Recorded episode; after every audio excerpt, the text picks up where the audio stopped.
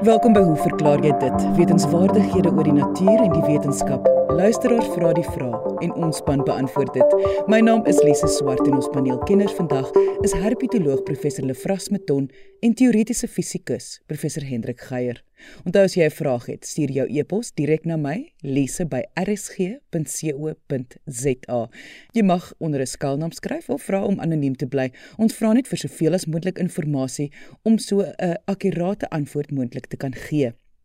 Joachim van Vereniging skryf: Vriende van my het vir die eerste keer 'n rinkelsslang gesien. Ek self het nog nooit een gesien nie.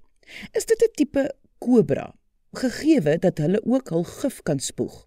Is daar ander slange behalwe die rinkels en kobras wat ook kan spoeg en is al die spoegslange verwant aan mekaar?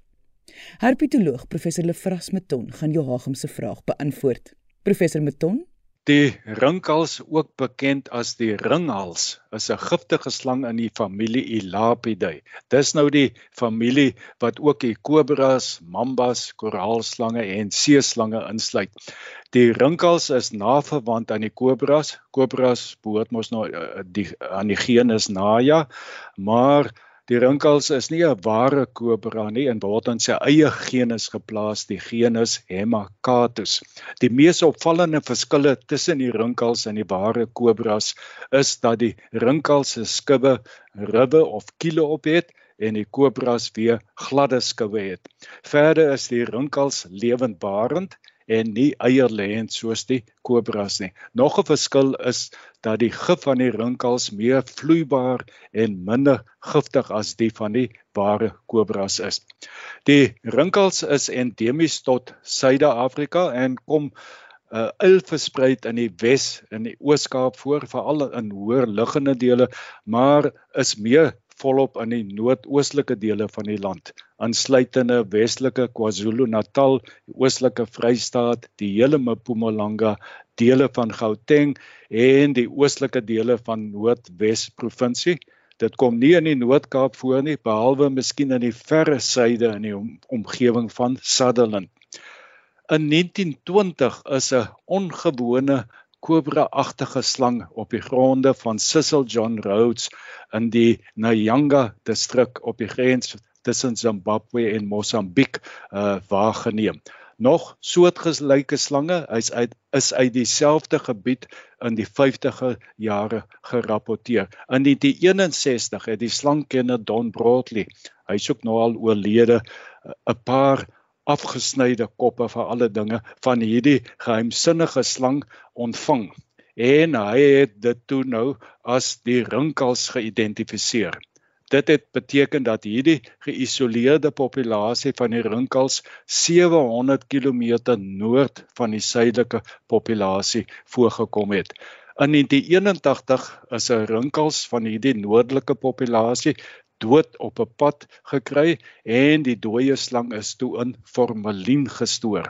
Nou uh, ek neem aan die slangkoppe was ook in formalien gestoor.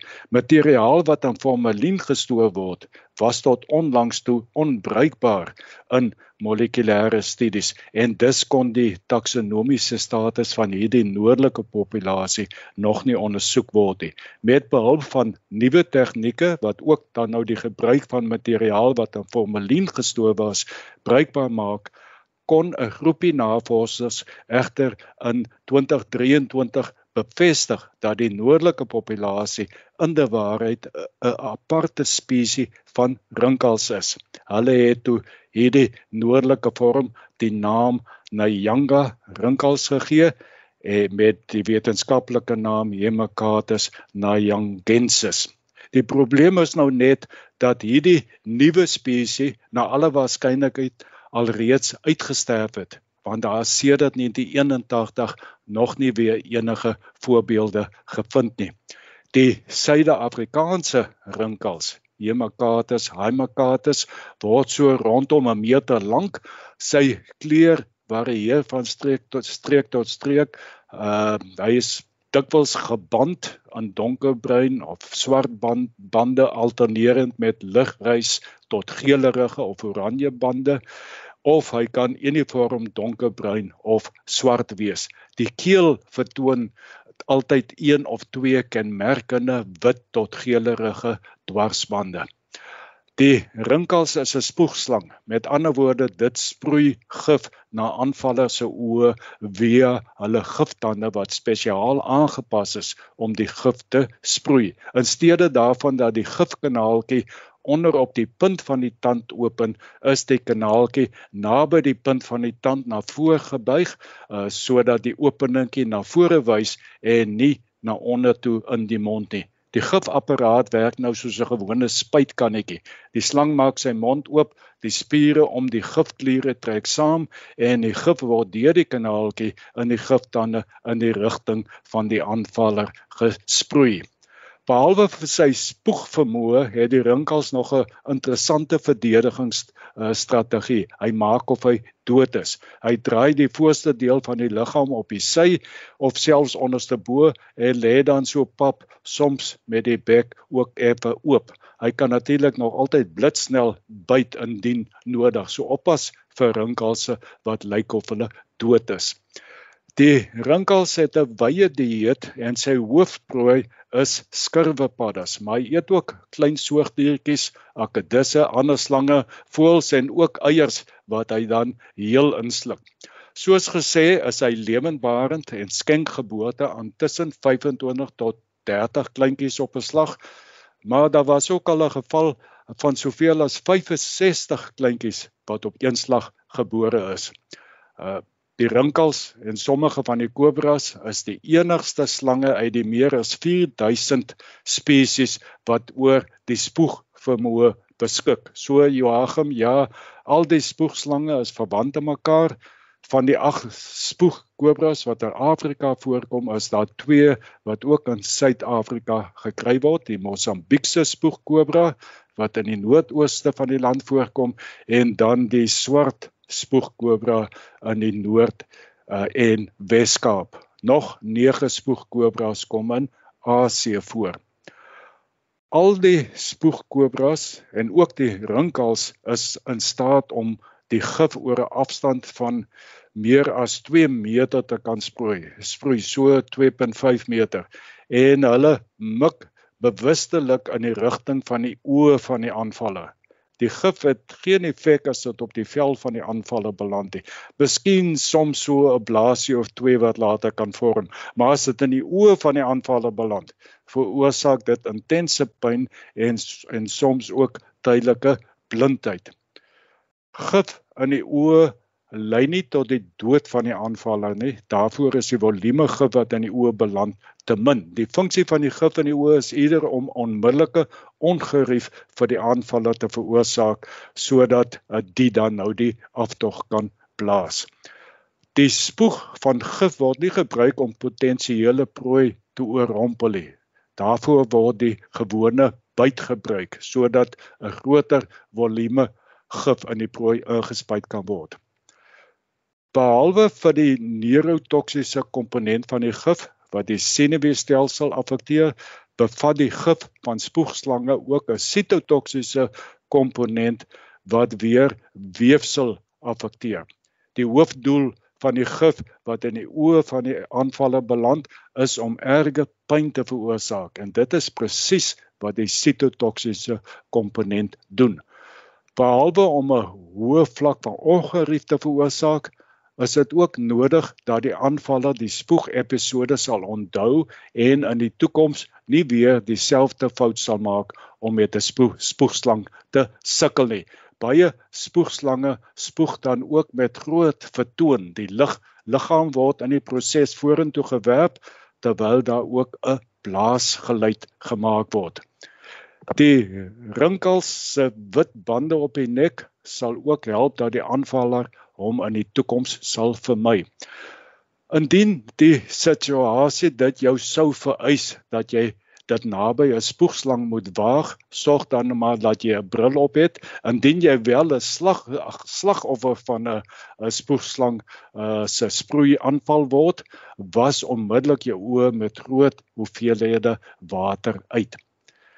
Molekulêre studies van verwantskappe tussen die rinkels en die kobras en binne die kobra groep self dui daarop dat die vermoë om te spoeg 3 keer onafhanklik ontstaan het. Een keer in die voorvader van die rinkels, een keer in die onder die Afrika kobras en een keer onder die Asiese kobras.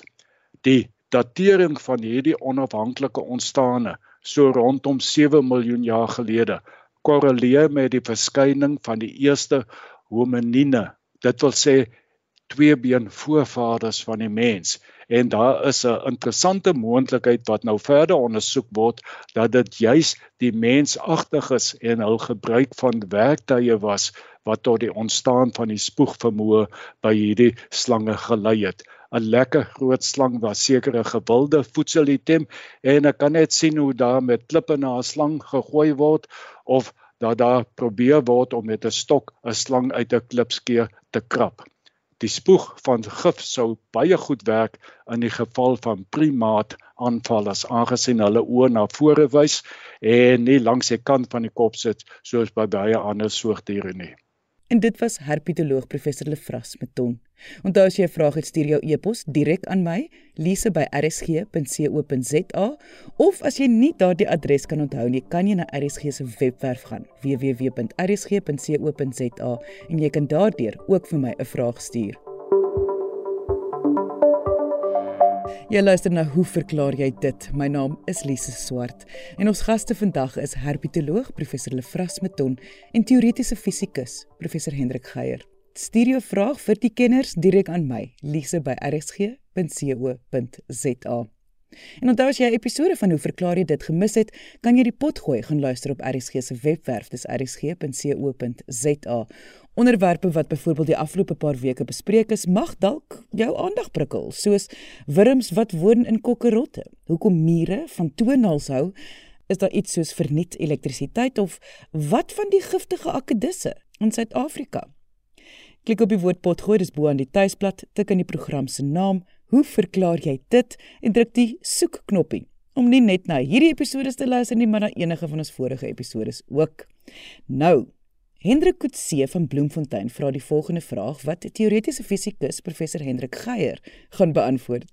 Hendrik skryf: Enige klein voorwerp wat uit jou hand val op die vloer, soos byvoorbeeld 'n skroefie, 'n oorbel of pille, lê nie op die plek waar dit geval het nie. Jy moet op jou maag gaan lê en soek om dit dan onder byvoorbeeld die laaikas of stoel te probeer kry en soms te vergeefs. Het dit dalk te doen met die aarde se beweging? Professor Geier Hy praat van dat die skroefie of oorbelletjie of pil nou nie op die plek lê waar dit geval het nie. Uh en ek neem aan hy konsentreer nou veral op op wat gebeur uh nadat die voorwerp hier nou geval het. Maar miskien kan 'n mens klein stappie terug gaan en vra as jy nou 'n eksperiment sou doen en jy hou 'n uh, 'n touwtjie met 'n gewiggie aan dan word jy maak vir jouself 'n loodlyn uh, wat nou van jou hand af tot op die vloer net mooi reik en daar waar jy die ding vashou, gaan jy nou 'n klein voorwerpie laat val. Nou in die eerste plek verwag 'n mens nou dat hy presies daar gaan val waar jou loodlyn op die vloer aankom. Nou as 'n mens net praat van presies dan is dit nou 'n kwessie van akkuraatheid. Ons neem nou maar aan jy kan nou uh, binne 'n millimeter of so presies bepaal waar die ding waarskynlik sal val as hy al langs hierdie loodlyn sou afval en dan kan 'n mens vra wat gebeur met hom daarna. Nou naïef sou 'n mens miskien kon redeneer en sê wel terwyl hierdie dingetjie val, is die aarde natuurlik besig om te draai. Uh voordat jy hom laat val het, het jy en die voorwerpie saam met die aarde gedraai. So hy het die hele tyd reg bokant die kolletjie wat jy nou gemerk het gebly. As jy hom laat val, dan draai hy nou nie meer saam met die aarde nie en mense kon dink wel dalk draai die aarde onder die ding uit as dit ware. Maar as jy nou mooi daaroor dink, dan besef jy dat beide die aardoppervlak en die dingetjie wat jy laat val het op die oomblik wat jy hom laat val uh, beide in spoed as gevolg van die aarde se rotasie. So miskien moet hy tog presies op die kolletjie val. Maar as jy nou nog 'n slag daaroor dink, dan besef jy 'n mens kan nou gaan uitwerk byvoorbeeld sê nou maar jy's op die ewenaar teen watter spoed beweeg enige punt op die oppervlak van die aarde by die ewenaar Ja, ons met die syfers insit, die aarde se omtrek is omtrent 40000 km. Dit beteken sy straal is 6170 km. Hy draai een keer in 24 uur om sy eie as.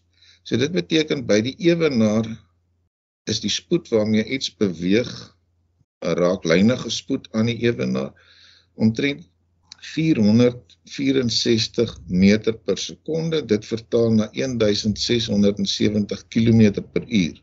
Wat 'n mens nou moet besef is as jy kyk na iets wat roteer en jy vra wat is die spoed van iets wat nou saam roteer? Sê nou jy dink aan 'n malemele, dan hang dit af van die tempo waarteen die malemele draai en hoe ver jy van die rotasie as is. Hoe verder weg jy van die as af is, hoe vinniger beweeg die ding natuurlik daar op die op die spesifieke punt. Op die malemele self beteken dit dat op die kant van die malemele beweeg iets die vinnigste en naby die rotasie as beweeg dit relatief stadig. So kortom besef 'n mens dat die skroefie of oorbelletjie of wat ook al wat jy gaan laat val op die stadium wat jy hom laat val effentjies vinniger beweeg raak lynig soos wat ons nou bedui het as wat die aardoppervlak beweeg want hy's 'n klein bietjie verder weg van die aardoppervlak af.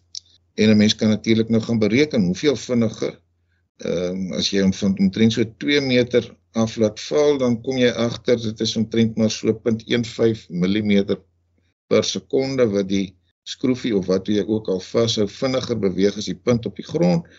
Uh en dit beteken natuurlik dat die dat die skroefie of die oorbelletjie omdat die aarde van wes na oos roteer, hy beweeg 'n klein bietjie vinniger in die oostelike rigting, so hy gaan 'n klein bietjie verder oos land as waar jy nou jou kolletjie op die vloer gemaak het. So daar is 'n effek. Hoe groot is hierdie effek? Wel, is interessant om na die geskiedenis van die storie te gaan kyk. Ehm um, daar was al in 1679 briefwisseling tussen Newton en Robert Hooke oor hierdie storie. Terloops Robert Hooke soos wat Newton was, was wat mense sou noem 'n 'n polymaat, iemand wat vele aspekte van die wetenskap van die tyd beheers het verloop sy kon nie die woord in in enige van van die woordeboeke opspoor nie, maar daar is goeie dokumentasie waar hierdie woord wel gebruik word. Die woordeboeke praat van 'n veelweter, maar ek kan nie baie van die woord nie want dit klink vir my so bietjie neerhalend. So ek gaan maar van polymaat praat en en Robert Hooke was nou so 'n polymaat en hy het hom onder andere besig gehou met dinge in die in die fisika, ook in die mediese wetenskap van die tyd en dis meer, maar hy en en Newton het oor hierdie kwessie uh gekorrespondeer in 1679 nie lank nadat Newton nou sy befaamde wetmatighede uh aangekondig het nie. En Newton het het vir Hooke laat weet dat ehm um, waar hulle nou daar by Londen sit bereken hy dat as iets van omtrent so 8 meter afval dan moet dit omtrent so 'n kwart millimeter verder oosland as waar loodlyn nou sou wys. Nou Hoek was uh iemand wat graag geëksperimenteer het. Hy het hierdie eksperiment probeer uitvoer. Uh natuurlik is dit baie moeilik om met daai akkuraatheid te meet en sy uh resultate was nie akkuraat genoeg om enigsins 'n bevestiging hiervan te kon gee nie. Die eerste persoon wat dit wel deurgevoer het en gedokumenteer het was 'n Italianer 1791 met die naam van Giovanni Battista Ehm um, hy het in in Bologna van die sogenaamde Asinelli toring, 'n hoogte van 78 meter, het hy nou 'n loodlyn eers laat grond toe sak en toe het hy uh, 'n uh, klomp loodballetjies laat val van daai hoogte af en hy het agtergekom dat gemiddeld het hulle omtrent 18 mm verder oos beland. Uh, ek moet natuurlik nou byvoeg 'n mens moet wanneer jy nou hierdie eksperiment doen uh ook die spesifieke posisie op die aardoppervlak in aanmerking neem want die rotasiespoed verder weg van die ewenaar af is natuurlik kleiner as by die ewenaar. Maar in elk geval die mense kon daai soort somme doen. Hy het omtrent 18 mm gemeet en die voorspelling was 11 mm. So miskien nie besonder deurslaggewend nie. En so het hierdie storie aangehou tot uh, meer onlangs hier in 1903 het 'n Fransman van die Pantheon in Parys 78 meter hoog 144 balle laat val. Hy het 'n gemiddelde afwyking van 6,3 mm gemeet en die voorspelling was 8,1 mm. So dit bevestig dan nou eintlik uh, ook eksperimenteel die feit dat as jy iets laat val, gaan hy nie presies land op die punt waar 'n loodlyn sou bedui die ding sou geval het as daar geen rotasie was nie. En terloops, ons hoef nou nie veel in te gaan op hierdie kwessie nie, maar as 'n mens nou hierdie argument vir 'n plat aarde sou deurvoer vir diegene wat nou nog dink die aarde is dalk plat en voorsiening maak daarvoor dat die ding roteer, as jy nou sê maar 'n plat aarde as 'n skuif se voorstel met die uh, noordpool reg in die middel en verder weg die ewenaar, dan sou hierdie afwyking in 'n suidelike rigting wees tipies as die ding ook van wes na oos roteer. Uh en die afwyking sal heelwat groter wees. So selfs op hierdie manier kan 'n mens bevestig dat dit nie 'n plat aarde is wat roteer nie, maar maar inderdaad 'n bol. Nou, Uh dit verklaar nou natuurlik nog nie uh Hendrik Kutse se frustrasie en en die res van die vraag oor wat gebeur nou met hierdie dingetjie wat jy laat val nie. Ons weet nou hy gaan nie presies beland op die plek waar jy dink hy gaan val nie. Maar onder die omstandighede wat hy beskryf uh houe mense in elk geval nie nood gewoonlik die ding dop terwyl hy val nie. So jy weet nie presies waar hy sou val of kon geval het nie. En nou moet 'n mens vra wat gebeur nadat die dingetjie op die grond beland het. Nou dit hang natuurlik nou van 'n hele klomp goed af. Uh, Presies wat dit is wat jy laat val het, uh, wat 'n soort voeroppervlak jy het, as dit 'n harde teeloppervlak is, dan gaan die geneigtheid van hierdie klein voorwerpie om terug te spring van die oppervlak natuurlik groter wees. Op 'n houtvloer miskien 'n klein bietjie minder en op 'n mat nog minder. Maar die punt is, wat dit ook al is, die ding gaan terugspring, weer 'n slag op die grond beland En baie van die voorwerpies wat nou op hierdie manier val is net het natuurlik is op een of ander manier gerond, 'n oorbelletjie en 'n pilletjie meer as 'n skroefie, maar die goed gaan geneig wees om te rol. En dus gaan hulle wegrol van die plek waar hulle die eerste keer beland het. En ek dink hier begin nou so 'n bietjie van 'n uh, effek van selektiewe geheue intree saam met verdere statistiek. As jy nou so sê kom ons dink aan mense wat by 'n tafel sit en een laat val 'n uh, oorbel. Wat se kans het dat die oorbelletjie nou onder die tafel gaan beland? Nou as 'n mens net statisties gaan bereken wat is die oppervlak van die tafel relatief tot die omgewing waar jy by sit dan is dit nie 'n weglaatbare persentasie nie so die kans dat die ding in elk geval statisties net onder die tafel gaan beland is redelik groot En dan moet jy dit nou koppel met waarna ek verwys het selektiewe geheue. Jy's meer geneig om die episode te onthou waar jy uiteindelik op jou knieë moes rondkruip om die ding te soek as die keer waar jy gelukkig was om die eerste keer wat jy afkyk sommer dadelik te sien waar die dingetjie lê. So ek dink Hendrik ons kan met uh, redelike sekerheid sê dat dat hierdie scenario uh en die eindresultaat van iets wat soek raak uh, het niks te maak met die rotasie of beweging van die aarde nie. Daar is so 'n aspek wat 'n mens kan analiseer en kom jy agter die effek is baie klein. Maar dit neem dan of veronderstel natuurlik dan dat die ding bly lê presies daar waar hy land wat normaalweg nie die geval is nie en dan speel al hierdie ander oorwegings 'n rol. Die feit dat die dingetjie self terugbons verder kan rol uh dat die omgewing waar jy dit tipies laat val as dit uh naby 'n tafel of 'n bed is, is die kans redelik groot bloot statisties dat dit onder die meubelstuk gaan beland. En verder uh ons het al 'n slag gepraat byvoorbeeld oor die feit dat 'n mens uh, in 'n supermark altyd sien dat uh die ry waarin jy staan nie die een is wat die vinnigste beweeg nie. En dit is ook maar hierdie selektiewe geheue storie gekombineer met statistiek. As jy twee rye weerskante van jou sien dan is die kans dat joune die vinnigste gaan beweeg 1 uit 3 terwyl die kans dat een van die ander vinniger gaan beweeg is 2 uit 3 so dit is statisties meer waarskynlik en dan natuurlik jy onthou die slegter ervarings meer selektief as die normale of goeie ervarings. So ek weet nie of dit nou uh, gerusstellend of ontstellend is nie Hendrik, maar dit is so seker saak sien. En dit was teoretiese fisikus professor Hendrik Geier. Stuur jou vraag direk aan my, lise by rsg.co.za. Jy mag onder 'n skuilnaam skryf of vra om anoniem te bly. Ek sê baie dankie aan ons kenners en vraagstellers vandag. Onthou om altyd nuuskierig te bly en vra te vra. Tot volgende week hier op RSG saam met my, Lise Swart. Totsiens.